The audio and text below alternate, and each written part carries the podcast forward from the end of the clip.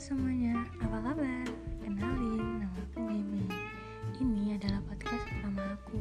Jadi nama podcast ini ceritanya katanya.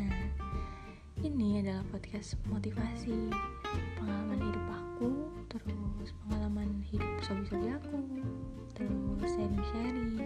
Pokoknya yang positif-positif life gitu lah ya. Semoga podcast ini bisa jadi motivasi buat kalian di hikmahnya aja ya, pokoknya.